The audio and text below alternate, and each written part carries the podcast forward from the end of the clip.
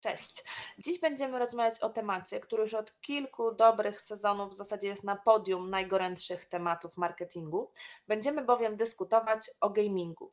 Zastanowimy się, czy obecnie w 2021 roku, kiedy wydaje się, że wszystkie marki w tym gamingu są, jest jeszcze sens tam działać i inwestować e, w tego typu rozwiązania. Natomiast abstrahując od tematu naszego dzisiejszego odcinka, mam bardzo dużą przyjemność spełnić nasze pierwsze podcastowe marzenie, czyli zaproszenie gościa, który nas wesprze w zrozumieniu dzisiejszego tematu. Kto to jest, dowiecie się zaraz po intro, tak żebyście nam nie uciekli. Tak więc zaczynamy.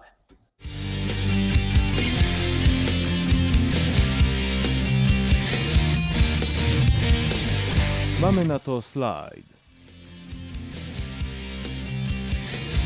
Dzień dobry. Słuchasz pierwszego w Polsce podcastu o strategii marketingowej prowadzonego przez duet strategiczny z agencji Golden Submarine. Trendy, analizy, kulisy planowania kampanii reklamowych. Na te i inne tematy dyskutujemy razem lub z zaproszonymi gośćmi. Sporo case'ów, ale i dystansu do branży. Zapraszają Marta Ulman i Kuba Kwaczyński.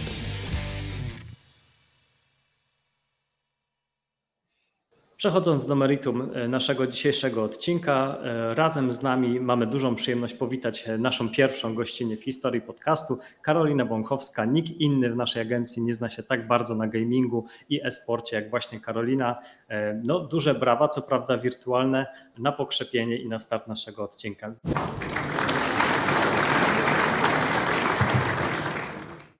Cześć, no mnie jest również bardzo miło gościć tutaj u Was. Jest to ogromny zaszczyt, że jestem pierwszą gościnią, ale tak myślę, że nie ostatnią, bo, bo naprawdę jest u Was tutaj bardzo miło. No Marta, mam nadzieję, że tak po staropolsku przywitałaś Karolinę w biurze w Warszawie, bo e, jakaś kaweczka, serniczek, coś wjechało pewnie. E, tak, oczywiście. Jest kawka z mlekiem bez laktozy. Co prawda Karolina z nią przyszła, ale e, jak będziesz miała ochotę na dolewkę, to zaserwuję. To mogę iść na dół myśl... kawę więcej. Myślałem, że takie standardy tylko w Poznaniu i Wielkopolsce, ale to widzę, że jest ekspansja kulturowa jakaś na Warszawę, że ze swoim e, towarem się przychodzi na kawę. Tak, natomiast Karyna, żeby nie było tak e, miło, to zacznę od takiego podchwytliwego pytania, które już zadałam też w intro. Czy w ogóle jest jeszcze sens, jeśli jesteśmy marketerem, myśleć o wejściu w gaming? No ja myślę, że moja odpowiedź może nie być do końca satysfakcjonująca, bo jest taka enigmatyczna. To zależy. Generalnie moim zdaniem sens jest zawsze, ale najważniejsze jest, żeby mieć na to dobry pomysł i przede wszystkim też dobrze zrozumieć odbiorcę i to, że gaming nie jest taką jednolitą y, formą, że tam jest dużo jakby podgrup nawet odbiorców i po prostu trzeba umieć gdzieś tam między tym y, lawirować żeby to było skuteczne. To my dzisiaj ten temat odbiorców dociśniemy, bo już też w ostatnim naszym odcinku, e, gdzie analizowaliśmy raport strategiczny IAB, rozmawialiśmy o tym z Kubą, że cały czas ten gamer to ma taki stereotypowy obraz. E, najczęściej młodego chłopaka albo e, pana po 30, któremu może nie do końca w życiu wyszło i siedzi i gra w CS-a albo na playaków coś. Tymczasem okazuje się, że ten gamer w Polsce jest y, zupełnie inny i jest bardzo różnorodny, że nie można gamerów traktować jako monolit. Jasne, jak najbardziej. Ja szczególnie na wstępie chciałabym się rozprawić z tym stereotypem, bo tak naprawdę ludzie, którzy profesjonalnie grają, no to mają już taki typ życia jak prawdziwy sportowiec, bo tam i dieta jest ważna, i treningi też takie stricte fizyczne, żeby być cały czas po prostu w formie i, i czuć się dobrze i być jakby w 100% e, najlepszym takim momencie, żeby mieć tą responsywność fajną i, i taką klarowność myślenia. Także jakby ta wizja takiego właśnie y, spoconego y, kolesia, który się nie myje i siedzi w piwnicy, no to jest absolutnie przeszłość. Ale faktycznie, jeżeli chodzi o, o takie podgrupy graczy, no to jak najbardziej tam są i dzieciaki, i rodziny, i kobiety, i oni mają różne przyzwyczajenia i, i z różnych gier korzystają. Także właśnie gdzieś tam kierując swój komunikat właśnie marketingowy, no to należy to zawsze mieć e, z tyłu głowy i, i mocno brać to pod uwagę. To w sumie jest bardzo ważne to, co mówisz, bo e, takiego z naszego własnego doświadczenia, kiedy rozmawiamy na temat akcji gamingowych dla naszych klientów i rozmawiamy o potencjale, to w sumie e, w większości mówimy właśnie o tej grupie docelowej, takiej stereotypowej, to znaczy produkty, które są oferowane no, młodym mężczyznom, jakkolwiek by to nie zabrzmiało, to jest właśnie e, ta grupa, która najchętniej rozmawia o kampaniach gamingowych, a chyba z tym trzeba wyjść trochę, trochę szerzej.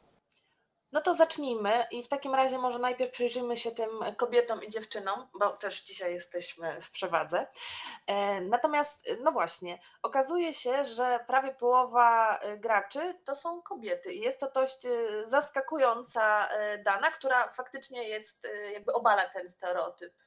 Tak, no ja jako kobieta nie ukrywam, że to jest temat mi bardzo bliski, bo, bo gdzieś tam jakby kobiety w tym gamingu i że w ogóle jakby w świecie gier, nawet z punktu widzenia pracy, czy tam właśnie bycia deweloperem, mają trudniej. Jest to po prostu środowisko bardzo męskie i zdominowane przez mężczyzn, także no to stawia dużo wyzwań y, przed kobietami, ale faktycznie jakby najświeższe dane wskazują na to, że, że mniej więcej jest to 50-50, a jeżeli chodzi o na przykład gry mobilne albo takie gry konsolowe, typowo gdzieś tam grane z przyjaciółmi w ramach takiej e, rozrywki, no to wręcz tam panie dominują. Także no myślę, że to jest właśnie dosyć otwierające oczy dla marketerów, szczególnie, że jest ten potencjał właśnie dotarcia też do babeczek poprzez gaming.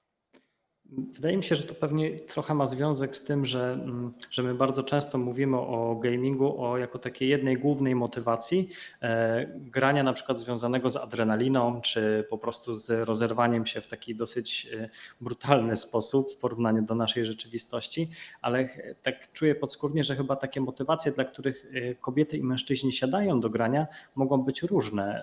I to faktycznie tak jest, że, że z innych powodów laski siadają do komputera, a z innych faceci?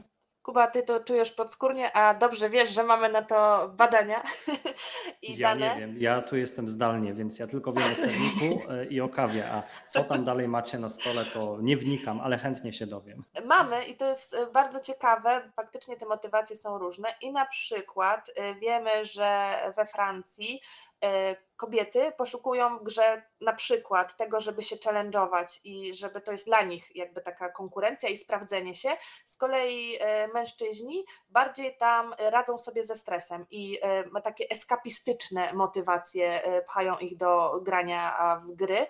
I to jest istotne, planując komunikację do tych ludzi, nie? bo jakby te motywacje mogą być różne, więc my możemy tym naszym użytkowniczkom co innego w tym gamingu proponować.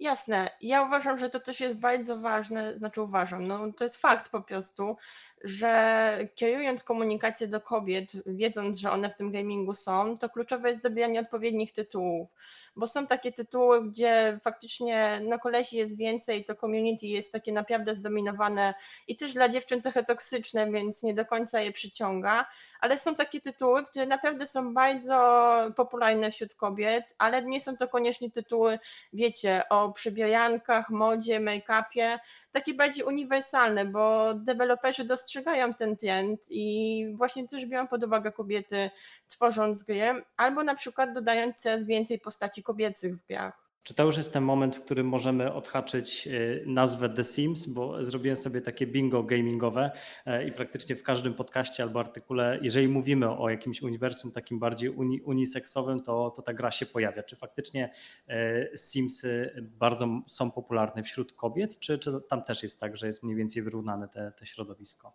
No myślę, że jest tam więcej kobiet ze względu na tematykę. No to jest takie udawanie jakby rzeczywistości, czyli coś, co jest nam bliskie. Myślę, że też tutaj wpływ na to ma, że ta gra nie jest taka bardzo dynamiczna i właśnie tutaj nie, nie za bardzo to rozładowanie stresu, czy jakieś takie ego wycieczki, że wygraliśmy, tylko takie spędzane luźne czasu, chillowanie sobie przy tej grze jest możliwe, także dlatego myślę to przyciąga. Szczególnie też w ostatnich latach ta mobilna wersja Simsów e, duży sukces odniosła, no bo tak jak wspomniałam właśnie jeżeli chodzi o, o granie mobilne, no to tam kobiety dominują absolutnie. No i też tam jest dużo przestrzeni właśnie, żeby wejść z Majką i sporo fajnych kampanii się pojawiło. Natomiast y, mamy też profesjonalne zawodniczki e-sportowe, które grają w CS-a i w różne inne gry, nie tylko w Simsy. Nie wiem, czy e, Simsy są w sporcie, szczerze mówiąc. No tam chyba, nie wiem, no można się nie, nie wiem, na czym miałyby te zawody polegać, że co, kto lepiej zbuduje dom, tak, no, ale. Okay, żebyście się nie zdziwili, bo widziałem ostatnio, nie wiem czy jak bardzo e, w sumie został zaawansowany ten projekt, czy on powstał, bo widziałem tylko trailer, że miał być reality show w Stanach Zjednoczonych, w którym e, to było trochę jak totalny remonty szalongowskiej, w którym młodzi adepci Simsów e, rozbudowywali swoje domy i komu, komu się najlepiej to udawało, ten wygrał. I oczywiście nie zabrakło, jak to w reality show, jakiejś wyciskającej łzy historii, jak to młodzi ludzie uciekli właśnie od swoich problemów dzięki tej grze. Także e, nie wiem, czy to ma rangę sportową, ale jakąś taką rywalizacyjną chyba to może mieć. No ale pewno jest to dużo bardziej subiektywne niż, niż ustrzelenie po prostu łebka w CS-ie. No, tam też myślę, że na przykład na poziomie, nie wiem, tworzenia kariery tego Sima, no to możemy gdzieś tam w storytellingu jakimś... Ale nie sprzedawajmy za dużo, bo Dobra. ktoś od nas, wiesz, za darmo chwyci pomysł. Natomiast jak rozmawiamy o tym CS-ie, no to na pewno to, o czym ty wspomniałaś też jest warte odnotowania, czyli to mm, toksyczne community. Mhm. I zaraz powiesz nam, bo wiemy, że są marki, które też się w to angażują i organizują yy, zawody y, czy turnieje dla kobiet. Natomiast faktycznie też widzimy w badaniach, że mm, kobiety jakby w tym esporcie szczególnie i w tych trudnych y, grach jak CS widzą to, że są źle traktowane przez y, mężczyzn. Często udają, że są facetami albo zmieniają, używają modulatorów głosu, żeby brzmieli jak faceci. No i faktycznie 59% kobiet mówi, że ukrywa e, swoją płeć grając w gry online, żeby właśnie uniknąć tego napiętnowania związanego z płcią, że bardzo często doznały, to 77% tych kobiet doznało właśnie takiego dyskryminacji związaną z płcią podczas gry, ale też bardzo dużo, bo 70% usłyszało nieprzychylnych komentarzy dotyczących ich umiejętności związane y, z, właśnie z płcią, ale też zdarzają się nieprzyzwoite propozycje. No niestety, szczególnie myślę, że jeżeli chodzi o nieprzyzwoite, nieprzyzwoite propozycje, to, to na pewno streamerki miałyby tu dużo do powiedzenia, bo tak jak na przykład ktoś streamuje na Twitchu czy to YouTubie i potem ktoś tworzy z tego shoty, czyli takie skróty najciekawszych akcji z takiego wielogodzinnego streama, no i w przypadku chłopaków, no to są jakieś super akcje, najlepsze tam po prostu jakieś zagrywki, a w przypadku dziewczyn, no to są zbliżenia na biust albo jakieś głupie pytania y, także no nie dziwię się, że dziewczyny gdzieś tam kombinują i próbują właśnie y, nawet właśnie udawać facetów. Ja też zrobiłam taki super profesjonalny wywiad wśród moich koleżanek, które gdzieś tam właśnie w CS-a akurat grają, no tak hobbystycznie, ale na moje pytanie, czy gdyby one chciały do tego podejść bardziej profesjonalnie, to na początku kariery udawałyby, że nie są kobietami, to wszystkie odpowiedziały, że absolutnie tak. I to jest przerażające.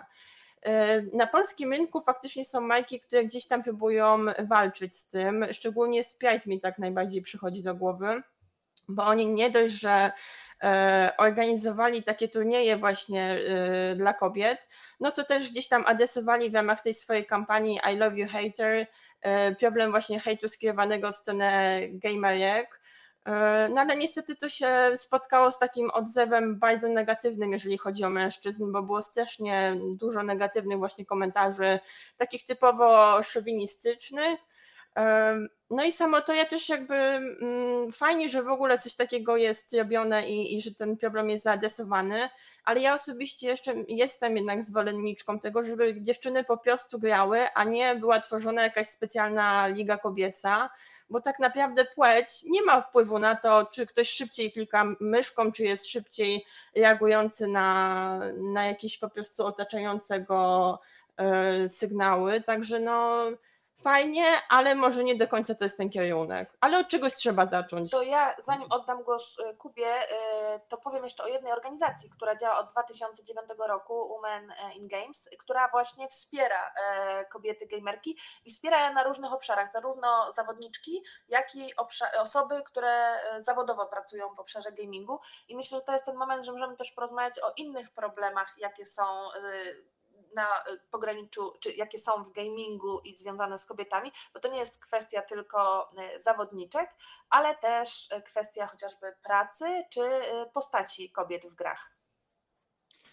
No, tak, zdecydowanie mm, to, co się chyba rzuca tak mocno w oczy, i dopiero w zasadzie, kiedy przygotowywaliśmy się do tego podcastu, to, to tak bardzo mnie uderzyło, bo kiedy mówimy o kobietach w grach, no to wiecie, ja przypominam sobie jeszcze tą kanciatą Larry Croft z 2001-2002 roku, która była kanciata tam gdzie, e, tam, gdzie możecie się domyślać, i mm, tak wydawało się, że te kobiety faktycznie są jako postacie bardzo mocno obecne w scenariuszach gier, ale w rzeczywistości no, zatkało mnie, że tylko 5% e, gier wideo posiada jakby główną bohaterkę kobiecą. E, I to jest coś, co jest rzeczywiście przerażające, no bo e, jest to maksymalne niedoreprezentowanie i, i kurczę, z czego to wynika? Czy to znowu jest kwestia tego szowinistycznego i bardzo męskiego środowiska, który tworzy gry? Bo to chyba jedno z drugim chyba musi mieć znaczenie, no bo nie wyobrażam sobie innej przyczyny. Na początek to chciałabym zdementować trochę jakby na korzyść twórców gier, bo faktycznie od 2020 roku jest ogromny wzrost, jeżeli chodzi o ilość tych postaci kobiecych w grach, bo aż 18%. Także w widać. Jakby, tak? Przepraszam? W nowościach. Tak, tak, tak, tak, że te wszystkie nowe jakby gry, które wychodzą, albo jakieś po prostu yy, nowsze części gier, które już znamy, no to tam te postaci kobiety są i, i widać wyraźnie, że właśnie gdzieś tam ta tendencja idzie w tę stronę. A tu właśnie mam pytanie, czy myślisz, że to jest anomalia, czy to jest y, trend i będziemy obserwować to, że faktycznie tych bohaterek za, y, będzie w grach coraz więcej kobiet? Myślę, że będzie coraz więcej, tylko ja mam taką ogromną nadzieję, że właśnie nie będą to Lara Croft, tam 2-0, 3-0, 5-0, tylko będą to postaci, które będą jakby pełnoprawnymi postaciami i ich atutami nie będzie biust czy pupa, tylko właśnie jakieś unikatowe umiejętności albo no, jakieś... Przepraszam, e, Lara Croft się wspinała bardzo dobrze, bardzo dobrze bronią się posługiwała, także... Ale wiesz, bronił, miała krótki ale... topik i tak. obcisłe shorty, nie? No okay. właśnie, a pokaż mi, Kuba, postać męską, która w samych slipach biega. No mało takich przychodzi do głowy. No, Nawet jeżeli chodzi o cosplay, to też to bardzo widać, nie? No pewnie tak.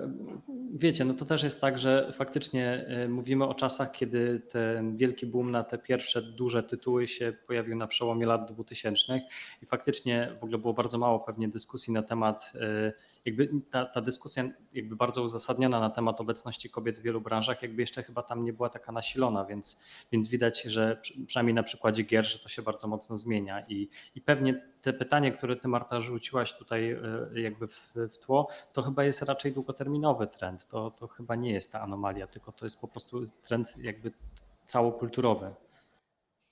Mamy nadzieję, bo my tu y, z Karoliną jesteśmy wojujące, więc na to liczymy. Natomiast warto też jeszcze uzupełnić ten wątek, o którym wspomniała Karolina, to znaczy samych kobiet pracujących y, w, w gamingu. No i tutaj też y, widzimy problem, no bo według badań 84% takich kluczowych pozycji w przemyśle gamingu jest zajmowanych przez mężczyzn, Y, i generalnie y, kobiety cały czas y, i ta reprezentacja kobiet w tym obszarze jest bardzo niewielka. Natomiast tutaj też trzymamy kciuki za to, że to się będzie zmieniać. No mam wrażenie, że to jest taka globalna zmiana, która w ogóle się wydarza w różnych branżach, no i gaming jest jeden z taki, jednym z takich obszarów. Jasne, no zdecydowanie jakby branża się otwiera na kobiety i też to, że kobiety są coraz bardziej zainteresowane tym tematem po prostu, bo są graczkami gdzieś tam w dzieciństwie, w młodych latach i potem przekuwają to w karierę taką profesjonalną. Ale ja mogę wtrącić trochę, trochę takiej prywaty, bo, bo mój partner jest jakby twórcą gier i on właśnie brał udział w takim kursie kilkumiesięcznym i tam było trochę dziewczyn i one nawet na poziomie wykładowca, studentka spotykały się z takimi komentarzami bardzo niewybrednymi, zwracającymi uwagę na ich płeć. Także no niestety jeszcze dużo pracy tutaj jest do wykonania, ale na pewno idzie to w coraz lepszym kierunku i ja jestem pełna nadziei i mam nadzieję, że to nie są jakieś nadzieje złudne. No dobrze, a powiedzcie mi tak z perspektywy brand managera, który e, miałby wyciągnąć jakieś wnioski czy inspiracje z perspektywy, wiecie, naszej lokalnej polskiej, e, te marki, które oferują swoje produkty do kobiet, e, jakie, jak, jak one to egzekwują, jeżeli chodzi o kampanie gamerskie skierowane do tej grupy docelowej? Czy są jakieś ciekawe przykłady, że to super wyszło i zaadresowało bardzo fajnie potrzeby i też motywacje kobiet w grach? Znaczy jest sporo przykładów. Możemy się cofnąć do tych Simsów, o których wspominałeś. Na pewno Mac miał taką fajną kampanię, gdzie właśnie wewnątrz Simsów mogliśmy tworzyć makijaże dla Simów y, na bazie właśnie produktów marki. Poza tym jeszcze też była stworzona jakby kolaboracja już takich produktów fizycznych właśnie y, związanych z Simsami, gdzieś tam inspirowanymi grą. E, też poza tym na przykład w tej mobilnej wersji to często na przykład ASOS też występuje i tam możemy tworzyć stylizację na bazie jakby ciuchów, które potem są dostępne na stronie marki normalnie do zakupu. I takie czasowe eventy tam się często w ogóle zdarzają właśnie z, z udziałem różnych marek i to się super sprawdza. Poza tym takie trochę inne, bardziej esportowe podejście to jest Benefit, czyli kolejna marka kosmetyczna, mm, która z kolei stworzyła taką jednorazową początkowo kampanię właśnie Gameface y, zaadresowaną do dziewczyn, które streamują na Twitchu, no ale na tyle im się to sprawdziło, że to się przerodziło jakby w taką w ogóle akcję, która cały czas jest i zostanie pewnie jeszcze na lata. I jest to właśnie y, kanał własny Majki na Twitchu, który jest cały czas rozbudowywany y, poprzez zapraszanie właśnie dziewczyn gamerek do, do streamowania.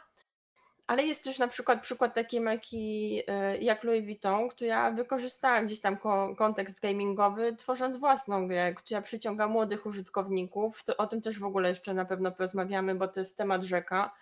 E, no ale właśnie to jest taki ciekawy dodatek, który gdzieś tam e, pewnie mm, jest obrandowany w odpowiedni sposób, jakie są odpowiednie elementy wewnątrz tej rozgrywki. E, i jest to jakaś taka ciekawostka, bardzo na pewno też e, angażująca, bo, bo warto zwrócić na to uwagę, że właśnie gaming super angażuje, jeżeli chodzi o komunikację. No, ja szczerze mówiąc widziałem ten case Louis Vuittona i na początku jak mi się pojawiły reklamy w internecie, gdzieś tam na YouTubie zapowiadające tą grę, to trochę ją zlekceważyłem, bo, bo rzeczywiście wygląda troszkę jakby infantylnie jak na markę, e, która jest, promo, która jest promowana jakby w ten sposób, ale wczytałem się w artykuł dzisiaj rano przed naszym, naszym spotkaniem i się okazuje, że ponoć jest to bardzo duże uniwersum, tam jest 200 świeczek do zebrania, bo to jest gra, która jakby jest stworzona na, na dwusetne urodziny marki, także e, no, ponoć jest to mobilna Zelda, czyli bardzo duże słowa, jak na, jak na no bardzo grę, duże. które stworzone przez markę. No, pobiorę i dam wam, dam wam znać, czy z Luisem zbiorę 200 świeczek. Czekamy. E, a powiedzcie, powiedz, mm, jakie miałabyś tipy dla, dla tych naszych brand managerów, o których wspomniałem przed chwilą, jeżeli mieliby się już zaangażować, zainwestować budżet w kampanię skierowaną dla kobiet, e, o czym muszą pamiętać? Myślę, że taką podstawową rzeczą, o której trzeba pamiętać, to to, że, że dziewczyny po prostu grają w gry i one są wszędzie. To nie są tylko gry jak Simsy, czy właśnie jakieś przebijanie lalek w przeglądajce, chociaż też, i to też jest przestrzeń dla Majki bardzo ciekawa, ale myślę, że właśnie na przykład uwzględnienie w reklamie dziewczyny, która gra w grę, która jest jakimś super takim popularnym tytułem, a nie tymi Simsami czy jakimiś kulkami na telefonie. I po prostu wykorzystywanie czy voiceovera kobiecego, czy właśnie gdzieś tam y, tego, że ta grupa znajomych grających w konsolę jest zróżnicowana, a nie, że są to sami kolesi albo jedna dziewczyna po prostu, bo musi być, tak? I to wychodzi tak nienaturalnie. Mm, myślę, że szczególnie jeżeli chodzi o takich najmłodszych odbiorców, granie dla nich to jest tak samo jak oglądanie filmów czy słuchanie muzyki. To jest po prostu hobby jak każde inne.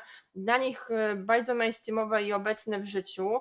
I gdzieś tam właśnie warto o tym pamiętać i to adresować właśnie w komunikacji. No to teraz bardzo płynnie przechodzimy do tych e, młodych ludzi, e, ale młodych ludzi e, z rodzicami, bo okazuje się, że można powiedzieć, że granie na konsoli czy granie na PC staje się nową taką niedzielną rozrywką rodzinną, czyli zamiast iść na spacer albo grać w planszówki, sięgamy po pady Jasne. Na pewno to jest y, rozrywka dla całej rodziny. W wielu domach możemy znaleźć już konsolę. Myślę, że też jakby ta konkurencyjność cenowa ma na to wpływ, bo to jest po prostu osiągalne dla rodzin. Mogę wam sprzedać taką ciekawostkę nawet, że właśnie Nintendo po, jakby zaczynało od tego, że tworzyli gry karciane, ręcznie malowane, no i teraz jakby zajmują się tworzeniem konsoli i gier, także gdzieś tam to wszystko z siebie wynika. E, też e, Tata Gracza bardzo często o tym wspomina, bo to jest taka postać u nas na polskim rynku, która chyba najbardziej właśnie promuje takie granie z dzieciakami, gdzieś tam tworzenie relacji poprzez gry. E, jest też ogrom tytułów takich właśnie skierowanych do rodziców z dziećmi, małymi nawet. Szczególnie te wszystkie takie najnowsze wydawnictwa, jeżeli chodzi o Mario, E, no to tam na przykład mamy grę z otwartym światem, możemy grać wieloma postaciami jednocześnie. E, no i jakby zadanie dziecka to polega tylko na klikaniu jednego przycisku i tam podrzucania czapeczki, zbierania jakichś tam monet, ale jest to taka fajna wspólna rozrywka i sposób na spędzanie czasu i też taki mało cringe'owy, no bo dla dzieciaków to jest po prostu fajne. To nie jest coś, że tam rodzice ich namawiają i oni są tacy bardzo niechętni, tylko to jest dla nich bardzo ekscytujące i takie na czasie. No ja się bardzo cieszę, że wspomniałaś o Nintendo, bo jak dobrze wiesz, bo rozmawiamy też e, poza, poza naszym czatem, jestem wielkim fanboyem tej marki i faktycznie e, Nintendo jest dobrym przykładem e, na to, że było odpowiedzialne w, na przykład w Japonii czy w Azji za tak zwaną casual revolution w latach 90. i potem w 2000, bo oni bardzo świadomie adresowali segment nie graczy albo graczy casualowych. No i potem powstawały takie konsole jak Wii czy, czy Nintendo Switch, które celowo po prostu odpuszczało sobie segment tych profesjonalnych graczy, które były bardzo e, obstawione przez Xboxa czy PlayStation. E, no i z sukcesem, bo powstały takie gry, które na przykład wymagały od ludzi zaangażowania ruchu, ruchowego, czy w ogóle były nastawione na, na familijną rozrywkę, więc myślę, że to jest e, super sprawa i to jest fajny przykład na to, jak te marki się pozycjonują i adresują różne segmenty graczy, nie tylko tych najbardziej profesjonalnych. No ja myślę, że jeżeli chodzi o Wii szczególnie, to też możemy im przypisać wiele zasług o taką w ogóle promocję gamingu wśród rodziców, bo ten taki motyw y, zabawy też ruchowej myślę, że jest taki bardziej przekonujący właśnie i gdzieś tam się rozprawia z takim stereotypem, że siedzimy przed tą konsolą, garbimy się i to jest wszystko, co gaming ma nam do zaoferowania, a ma do zaoferowania znacznie więcej.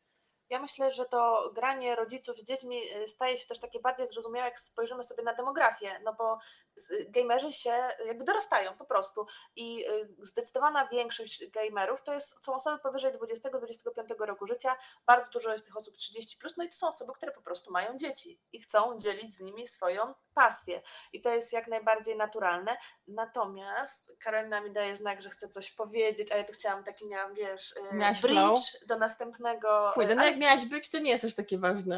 Nie, ja też chciałam coś powiedzieć, więc spoko, to dawaj Dobra. Karolina potem. E, ja chcę powiedzieć, że ja też jakby ze swojego dzieciństwa pamiętam, że ten gaming był bardzo obecny, bo najpierw moja sąsiadka z góry miała Pegasusa i była królową całego bloku, a potem mój ojciec zdecydował się kupić PlayStation 2 i graliśmy tam w Crash'a i ja byłam królową bloku, także mam takie bardzo e, gojące wspomnienia. No i jeżeli gdzieś kiedyś by mi się dzieci przydarzyły, to myślę, że na pewno byłaby to rozrywka, którą byśmy dzielili dzielili między sobą. Czyli pewnie takie planszówki XXI wieku. Teraz natomiast, no już nie bez tego bridge'a, który miałam e, przygotowany, natomiast pogadam o kolejnej grupie, która e, myślę, że jest jeszcze bardziej zaskakująca niż e, rodzice z dziećmi, bo będziemy rozmawiać o osobach starszych i to znaczy osobach powyżej 45 roku życia, dojrzałych, może tak powiedzmy, ale faktycznie to są osoby, gdzie byśmy się nie spodziewali, że oni siedzą przed e, komputerem albo przed konsolą, ale wiemy też, że e, są jeszcze starsi pasjonaci gier i gamingu.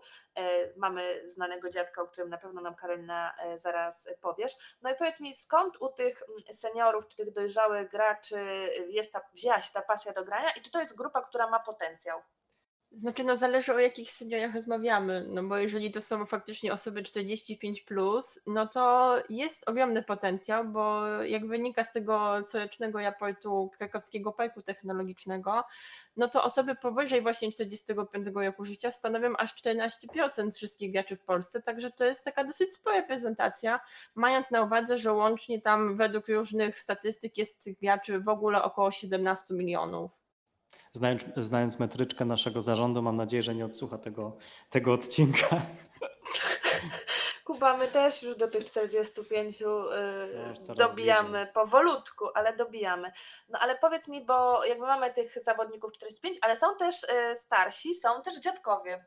Tak, no już tak jak wspomniałaś, ja jestem ogromną fanką Pezjusza i to jest właśnie taki e, pan na emeryturze, który bardzo się zajawił graniem w Minecrafta. Nawet do tego stopnia, że założył swój kanał na YouTubie i uwaga, na ten moment ma przeszło 275 tysięcy obserwujących. No to jest super wynik. On taki miał wybuch jakiś czas temu właśnie y, popularności, bo został gdzieś tam znaleziony y, i ta oglądalność mu rosła o 30 tysięcy subskrypcji dziennie praktycznie. Także naprawdę ten kanał urósł z dnia na dzień. On sam był zaskoczony, podejrzewam ale to jest taka właśnie taki przykład, że to jest dla wszystkich, szczególnie właśnie te, te, yy, tak jak już wspominałam, że one może niekoniecznie wymagają jakiegoś super refleksu i są takie bardzo na czas i takie bardzo stosujące, tylko właśnie wymagają jakiejś metodologii, yy, takiego spokojnego podejścia, gdzieś tam zaplanowania sobie działań. Myślę, że to właśnie dla osób starszych, starszych jest bardzo kuszące. Yy, I dlatego też ich przyciąga. No ale też jakby takim moim drugim top tropem jest to, że no po, poprzez swoje dzieci czy wnuki się zainteresowali tym tematem yy, i gdzieś tam to był właśnie ich tak, sposób na wspólną rozrywkę, yy, który z nimi został po prostu. Ja tutaj muszę podać przykład pani Bogumiły, bo już parę lat temu trafiłem na ten artykuł i cieszę się, że mogę go wyciągnąć Czekał. na światło dziennie po paru latach. Tak, bo słuchajcie, był kiedyś artykuł pani Bogumile, która była od 10 lat na emeryturze, miała problemy ze stawami i żeby jakoś rozruszać tej, e, tej mięśni stawy, syn jej przyniósł starą konsolę Dreamcasta, e, właśnie zachęcając ją do grania w Raymana czy jakieś inne proste gry. No oczywiście na początku go wyrzuciła z chaty, mówiła, że co to jest za bzdety mi tutaj przynosisz, a potem się okazało, że pani Bogumiła się nieźle rozkręciła i, e, i rzeczywiście gra bardzo prężnie już teraz na PlayStation 4. Mam nadzieję, że pani Bogumiła żyje. Nie sprawdziłem tego, szczerze ale, ale skoro rehabilitacja działała dobrze na stawy, to myślę, że, że jest teraz w kwiecie swojego zdrowia. No i właśnie nawiązując Karolina do tego, co ty mówiłaś, że e, trochę innego rodzaju rozrywki poszukują te starsze osoby, to pani Bogusia się świetnie wpasowuje w ten trend, bo ona mówi, że bardzo lubi takie gry eksploracyjne, że można sobie pochodzić, pozbierać monety, pograć e, bez takiego stresu, który jest związany często z jakimiś grami na refleks e, i myślę, że to jest bardzo fajne, że taka funkcja terapeutyczna, o której nie myśleliśmy w ogóle wcześniej, jeżeli chodzi o konsolę. E, Jasne, też na pamięć to bardzo dobrze wpływa, ale też są przykłady y, dziadków, że tak sobie powiem, no nie wiem, może się ktoś objawić, może nie, ale są osoby, które też jakby w CS-ie super sobie radzą yy, i gdzieś tam właśnie była taka kampania nawet, yy, gdzie zostały stworzone dwie drużyny emerytów, które rywalizowały między sobą. No i na bazie jakby yy, właśnie dokonań drużyny Silver Snipers będzie powstawał film, także będzie można się bliżej zapoznać z perypetiami. I też, co jest ciekawe, są tam panie. Ja też zachęcam, żeby yy, może spróbować wkręcić swoich dziadków właśnie w granie yy, i dzięki temu my będziemy mieli szerszą grupę odbiorców, do których możemy docierać. E, ale faktycznie na przykład też dla osób, które gdzieś tam z jakichś przyczyn zdrowotnych czy innych są uziemione, mają możliwość gdzieś tam właśnie aktywnego streamowania swojej głowy cały czas właśnie poprzez gaming, także to jest super rozwiązanie, z którego warto skorzystać, przy czym też tak jak, jak wspominałam, to nie są jakieś gigantyczne koszty na ten moment. Wydaje mi się, że faktycznie, e, tak podsumowując, co nasz ten nasz brand manager, junior brand manager ma wyciągnąć e, dla siebie, pewnie jest tak, że to są nadal za małe zasięgi, żeby kampanią gamingową do seniorów e, zastąpić jakieś działania, chociażby w telewizji, o tym nie ma mowy. Natomiast zawsze to może być działanie po pierwsze uzupełniające, które my bardzo lubimy i zawsze zachęcamy, żeby urozmaicać tą kampanię jakimiś budżetami mniejszymi, które sprawią, że oprócz tej kampanii w telewizji będzie się coś też działo dla graczy właśnie tam. A druga historia pewnie uwzględnianie tego kontekstu seniora, mhm. który na przykład gra ze swoimi wnukami lub samodzielnie w spotach telewizyjnych albo w innych komunikatach, że nie zawsze on musi pielić ogródek, nie zawsze musi się łapać, wiecie, za kręgosłup, bo go boli, tylko na przykład może go boleć kręgosłup, bo na przykład długo grał w grę, prawda? I w jednej, w jednej pozycji. Wiadomo, że to nie jest taki wizerunek, który chcemy przedstawiać, ale takie urealnienie tych różnych rozrywek, które mają seniorzy, w tym gracze, już jest pewnym krokiem do przodu. Było o dziadkach, e, to teraz będzie o ich wnukach, czyli o młodych. I powiedz mi, Karolina, no jak to jest z tymi młodymi e, w gamingu, tak, tak na takim dużym e, makroobrazku? No oni tam po prostu są i tutaj nie ma, nie ma co się szczypać.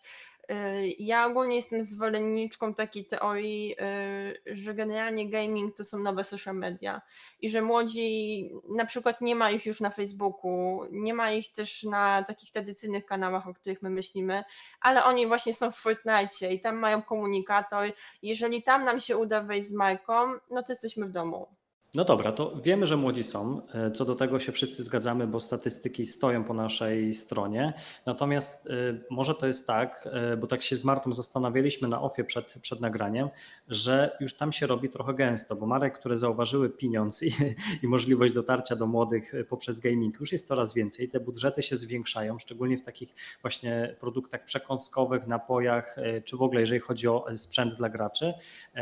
To w takim razie, czy są jakieś kampanie, które przełamują pewne pewne schematy, bo chyba bardzo łatwo już wejść taką gamingową sztampę. E, czy coś nowego się pojawiło u nas w case'ach?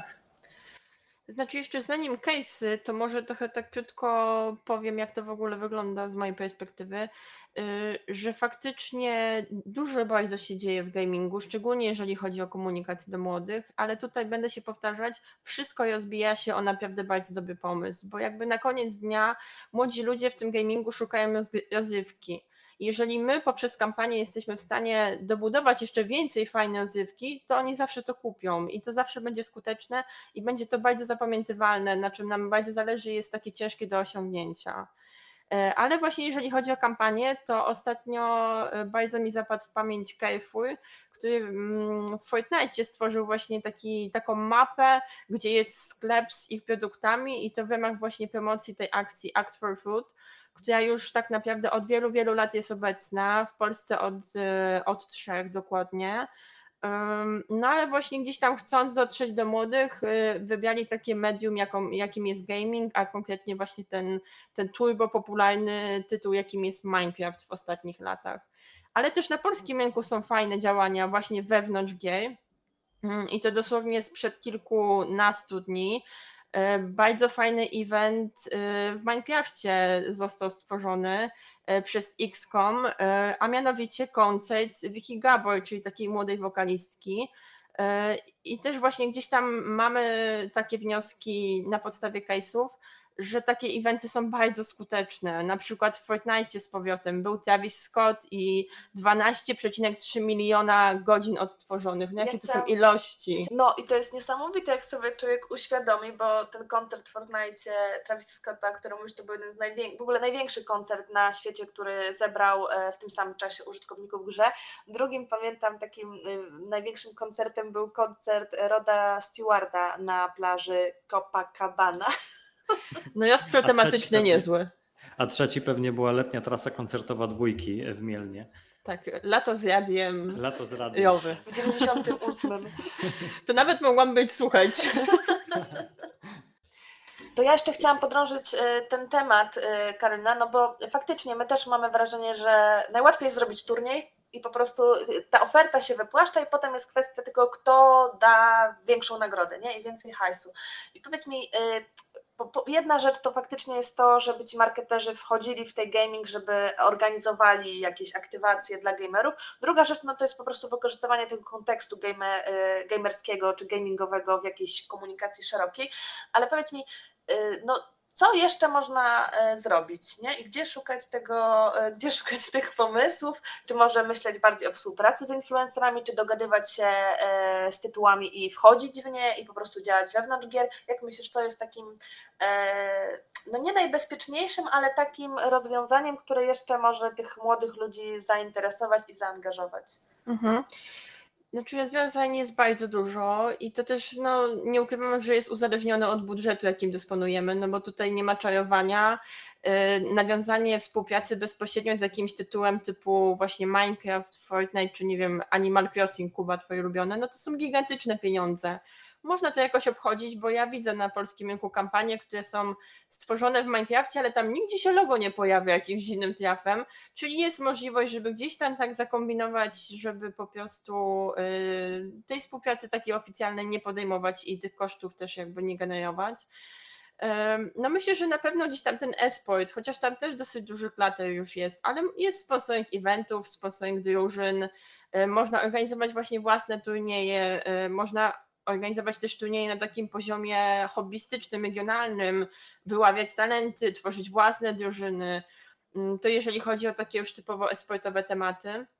A jeżeli chodzi o takie bardziej casualowe, jestem fanką takich pomysłów, które dobrze grają ze sobą, że tam jest sporo puzelków, które ktoś jakby zrobił, e, odrobił swoją pracę domową i wie, do kogo chce trafić, dobrał najlepszy tytuł, wie na czym w ogóle ten gaming po, polega i czego ten odbiorca oczekuje, wie co jego marka ma tam robić i jaki w ogóle jest, jest sens istnienia w tym gamingu, bo to nie może być tak, zróbmy sobie gaming, okej.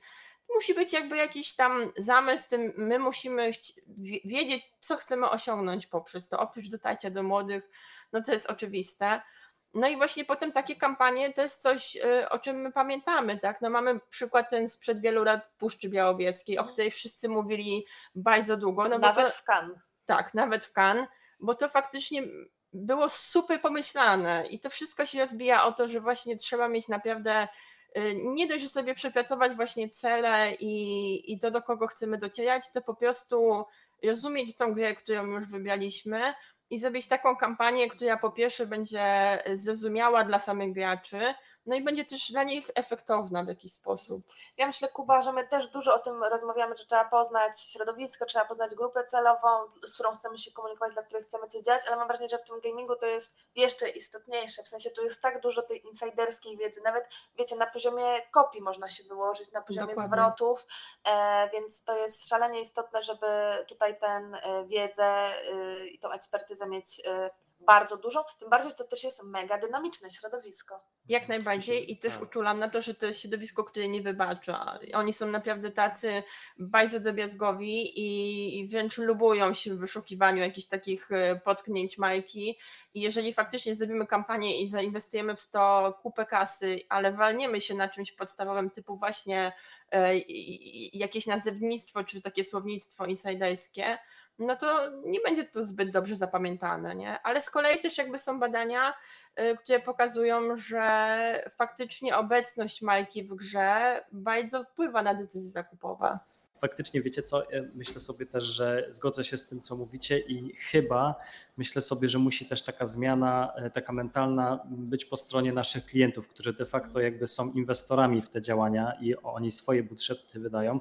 I pewnie wszystko się zaczyna od brand managera, który jakby zarządza daną marką, ale chyba jeszcze ważniejsze jest to, kto akceptuje te, te pomysły i, i chyba jednak też edukowanie marketing managerów, dyrektorów marketingu, czyli osoby, które mm, często niestety trafiają do tego naszego koszyka seniorów już według tego podziału z naszego odcinka, bo, bo może to mogą to być 40-latkowie i dalej. I tam mi się wydaje, jeżeli chodzi o takie duże projekty spektakularne, no może być duży opór z wydaniem takich pieniędzy, które są potrzebne z tego, co mówicie, żeby kampania miała sens, bo trzeba wykupić licencję, nie wiem, myśleć długoterminowo, no to nie są takie działania, że bierzemy trzech influencerów z agencją influencerską i temat się robi, bo często to może już nie wystarczyć. I tak oto dopłynęliśmy do końca dzisiejszego odcinka o gamingu. Mam wrażenie, że to nie będzie ostatni odcinek o gamingu, bo ten obszar jest szalenie rozbudowany i my dzisiaj w zasadzie prześliznęliśmy się przez grupy y, celowe. Natomiast bardzo Karolina dziękujemy Ci za obecność, bardzo nam miło, y, że byłaś naszą pierwszą gościnią i że podzieliłaś się y, z nami i ze słuchaczami swoją wiedzą. Dziękujemy Ci, bo było nam naprawdę bardzo miło i obiecuję, że następnym razem będzie ten sernik. No mam nadzieję, że bez laktozy. Stofu. To nie przyjdzie. Ja też Wam bardzo dziękuję za zaproszenie. Ze swojej strony jeszcze na koniec naprawdę mm, zachęcam do tego, żeby ten gaming brać pod uwagę i gdzieś tam nawet sobie popróbować pewne rzeczy, bo, bo są jakby przykłady majek, które spróbowały gdzieś tam jednym paluszkiem, czy ta woda jest ciepła, okazało się, że jest gojąca i weszły w to na 100% ja też sobie zdaję sprawę, że czasem właśnie gdzieś tam ciężko przekonać e, wszystkich w, w agencji czy w firmie, że to jest dobry pomysł i że po prostu są, muszą być jakieś dane twarde, ale one też są w sieci, bo jest dużo badań na ten temat. Także myślę, że to jest temat e, warty eksplorowania cały czas i i nie uważam, że jest wykorzystany na tyle, ile mógłby być. Dalej tam jest przestrzeń, tylko tak jak mówię, trzeba rozumieć o co w tym chodzi i, i po prostu mieć jakąś fajną koncepcję. A jeśli nie macie czasu na eksplorowanie, którego będzie całkiem sporo, tak jak Karolina mówi, to przygotujemy dla Was tradycyjnie już slajd z najciekawszymi smaczkami i statystykami z dzisiejszego odcinka. No nie wiem, czy się zmieścimy na jednym slajdzie, bo tych grup było sporo, ale zrobimy wszystko, co w naszej mocy. Czcionka, ósemka, zawężamy tutaj kolumny i, i damy radę. E, Karolina, Marta, bardzo Wam dziękuję e, i e, słyszymy się w kolejnym odcinku, bo zostańcie z nami. Do zobaczenia. Cześć.